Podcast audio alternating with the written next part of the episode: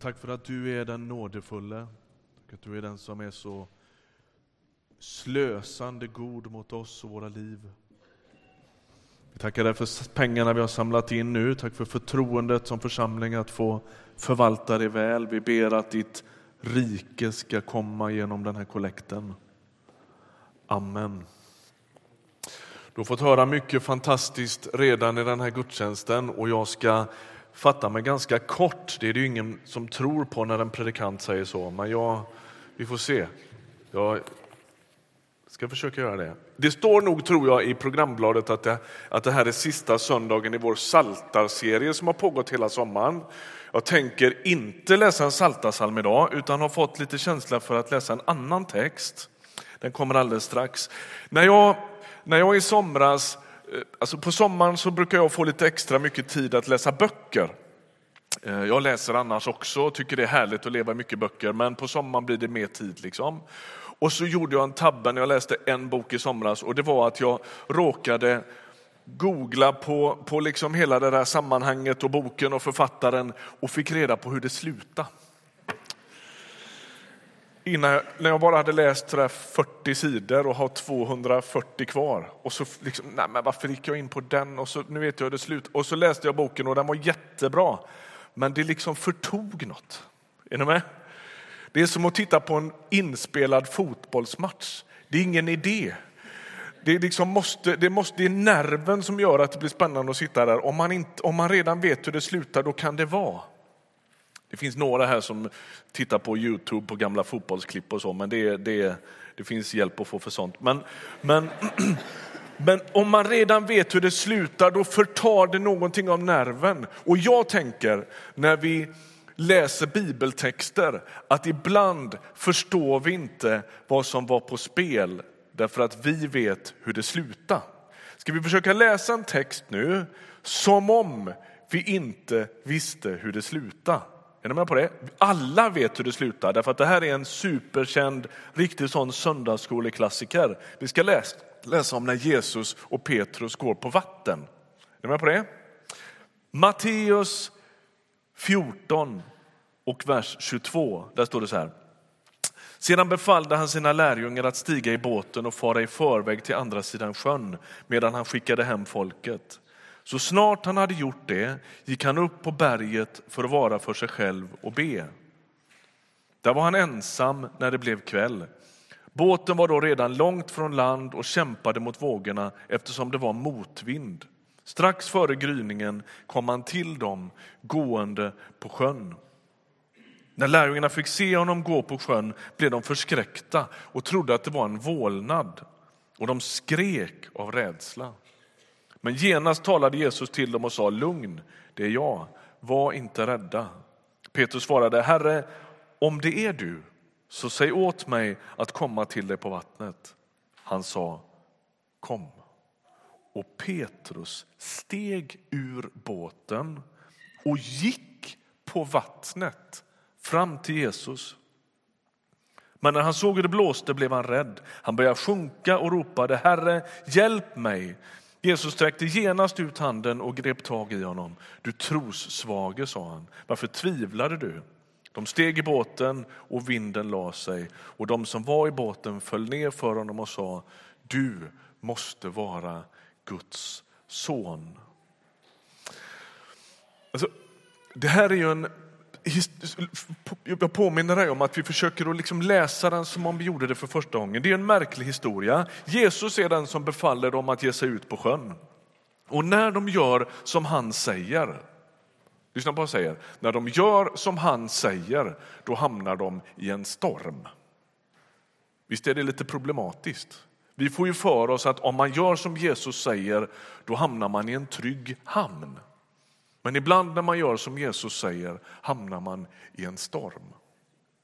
De reder knappt ut den. Han är den som skickar dem in i motvinden och vågorna. Det kan vara bara viktigt att fundera lite över det.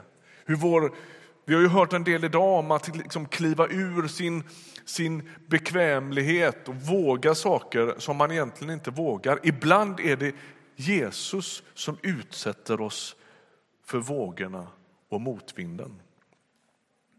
Men det finns ju något som man inte ser när man sliter med vågorna och motvinden där ute på sjön.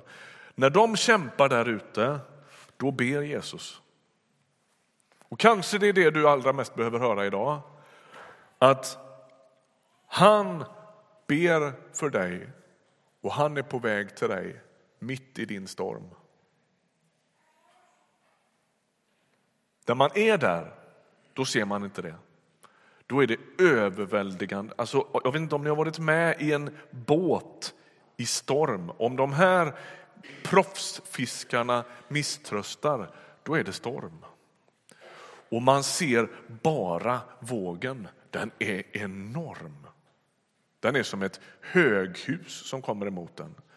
Och kanske du inte behöver lyssna mer än så här när jag säger Jesus ber för dig och han är på väg till dig mitt i din storm.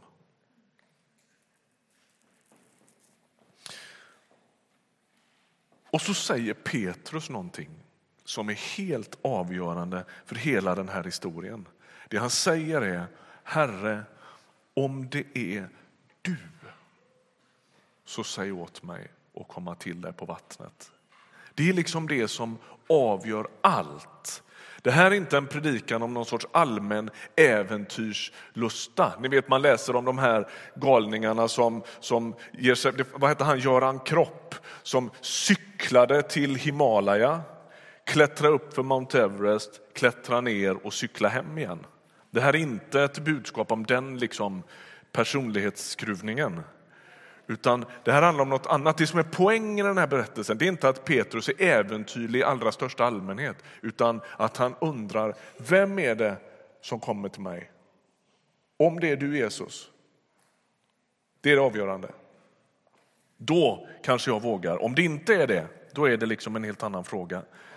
Det här är frågan, är det du Jesus som ber mig? Då kan jag tänka mig att överväga något som jag aldrig har tänkt mig förut. Om det är du Jesus så vill jag utmana mitt förnuft och jag vill utmana min trygghetsnarkomani.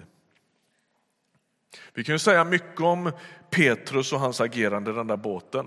Men jag tänkte bara stanna lite kort vid de andra elva gubbarna som sitter i den där båten. Som inte går på vatten. Alla vill ju vara en sån där Petrus-personlighet. Va? Vi läser bibeltexten och tänker vi, ah, vad spännande att vara en sån där spontan och lite crazy. Han tar risker, han tänker utanför alla regler, utanför alla gränser och så. Men sanningen är ju att de flesta av oss är mycket mer som de andra elva. Eller hur? Vi spelar rätt safe. Jag tror inte det är någon tillfällighet att världens säkraste bil är tillverkad i Sverige. Alla som åkt bil i, mellan, i, i, i Medelhavsregionen inser att den kunde under inga omständigheter vara tillverkad i Italien eller Grekland. Eller jag vet inte, Libanon? Nej, tveksamt. Jag har åkt bil i Kairo, där kan den definitivt inte ha varit tillverkad. Alltså vi lever ju i ett säkerhetssystem som är otroligt noggrant.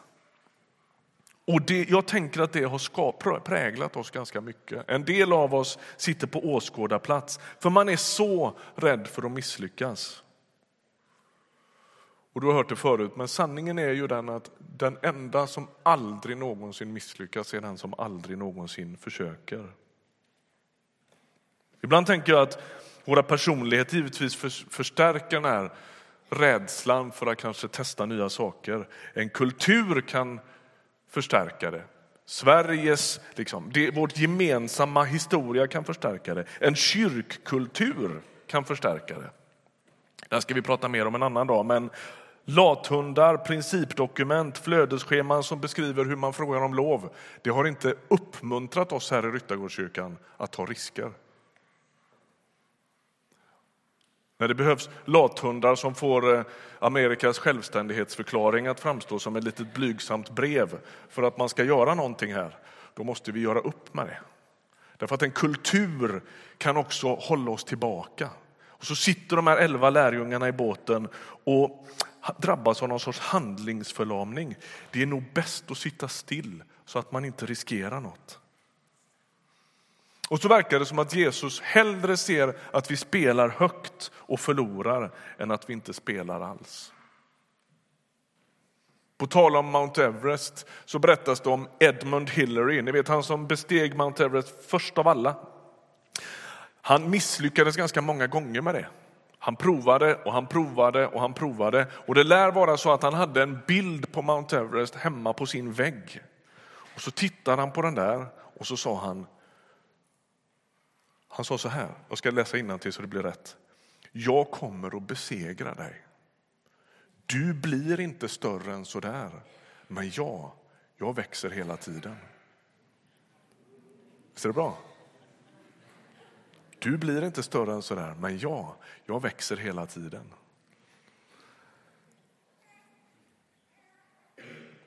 Jag tror inte Gud söker efter de färdiga, utan Gud söker efter de villiga.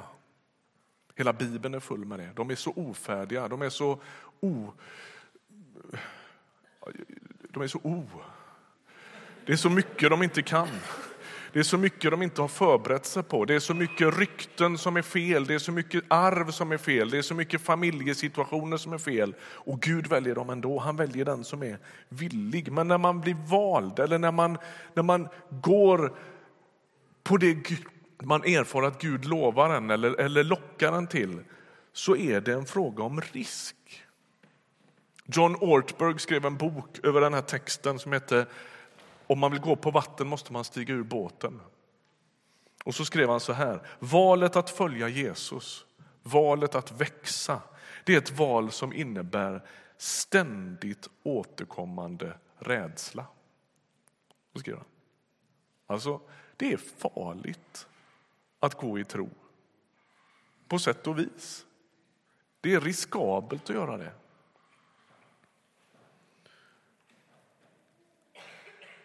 Hur kan kristendomen ha blivit så försiktig när den vi följer är så oförsiktig? Varför är vi så rädda när han är så järv? Herre, om det är du det är alltså det helt avgörande. Petrus gick egentligen inte från båten. Han gick mot Jesus. Det där är lite viktigt att förstå. Vi har ibland i, fri, i, i kyrkan, i, i, kristen förkunnelse betonat det där vi lämnar. Men det, Jesus, det Petrus gör är inte i första hand att han lämnar en båt, utan att han går mot Jesus. Poängen är inte vad han förlorar, utan vad han vinner. Du förlorar inte din båt. Du vinner Jesus. Det har ju hållits ett otal antal predikningar om den här lilla passusen att Petrus sjönk. Jag tänker bara låta den passera idag. Av det enkla skälet att den stora poängen är ju inte att Petrus försökte gå på vatten och sjönk. Det är ju ingen nyhet. Utan han gick ju faktiskt på vatten.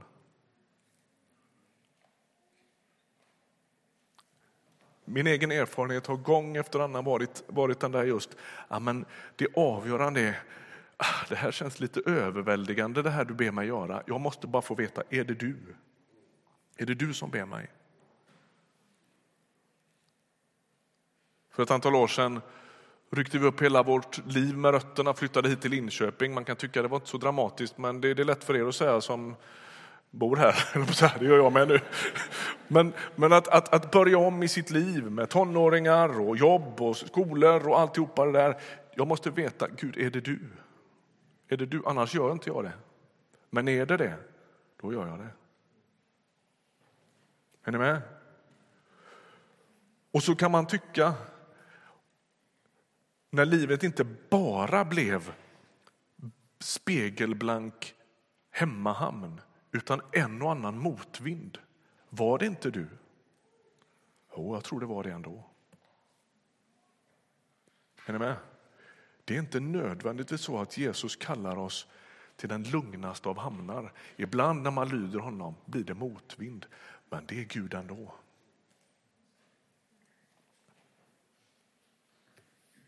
Vad betyder det för dig? Jag ska snart runda av nu. Att, tro, att stå för sin tro på sin skola, det kanske är det du behöver grunna på idag. Herre, jag vill så gärna våga det. Går du med mig i det? Och jag tror att han säger, jag går med dig.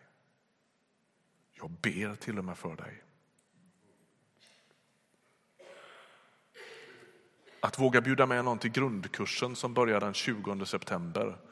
Jag går och grunnar lite på en kompis i mitt kvarter. Vi är kompisar därför att vi har hund båda två. Och jag vet mer om hunden än om honom. Men jag liksom lurar lite på vad är nästa steg. Jag vill så gärna bjuda med honom. Går du med mig Jesus i det? Jag är lika rädd som alla andra i det. Gå in som ledare någonstans här i kyrkan, engagera dig i något, göra någonting på din arbetsplats som du egentligen inte vågar. Gud går med dig. Det är mitt enkla budskap idag. Och om du ska komma ihåg en enda sak så kommer den nu. Om du kan uppfylla din dröm utan dina kristna vänner i församlingen och utan Guds under i ditt liv, då är din dröm för liten. När människor säger till mig det går alldeles utmärkt att vara kristen ensam, då tänker jag ja, om man har en liten dröm. Men när Gud kallar dig att göra det där som du egentligen inte vågar, då är det för väl att få vara i en sån här gäng. Och när Gud kallar dig till det där som luktar Jesus, som vi hörde Anna säga innan här, då luktar det också ett mått av risk. Det är min erfarenhet. Så vi ska runda av predikan på det här sättet. Jag skulle vilja säga så här till dig. Hur ser din båt ut? Vad är det för någonting som du klamrar dig fast vid och som du faktiskt skulle behöva liksom släppa taget om lite? Det där som är din trygghet och som kanske i någon mening hindrar dig från att göra det du innerst inne längtar efter.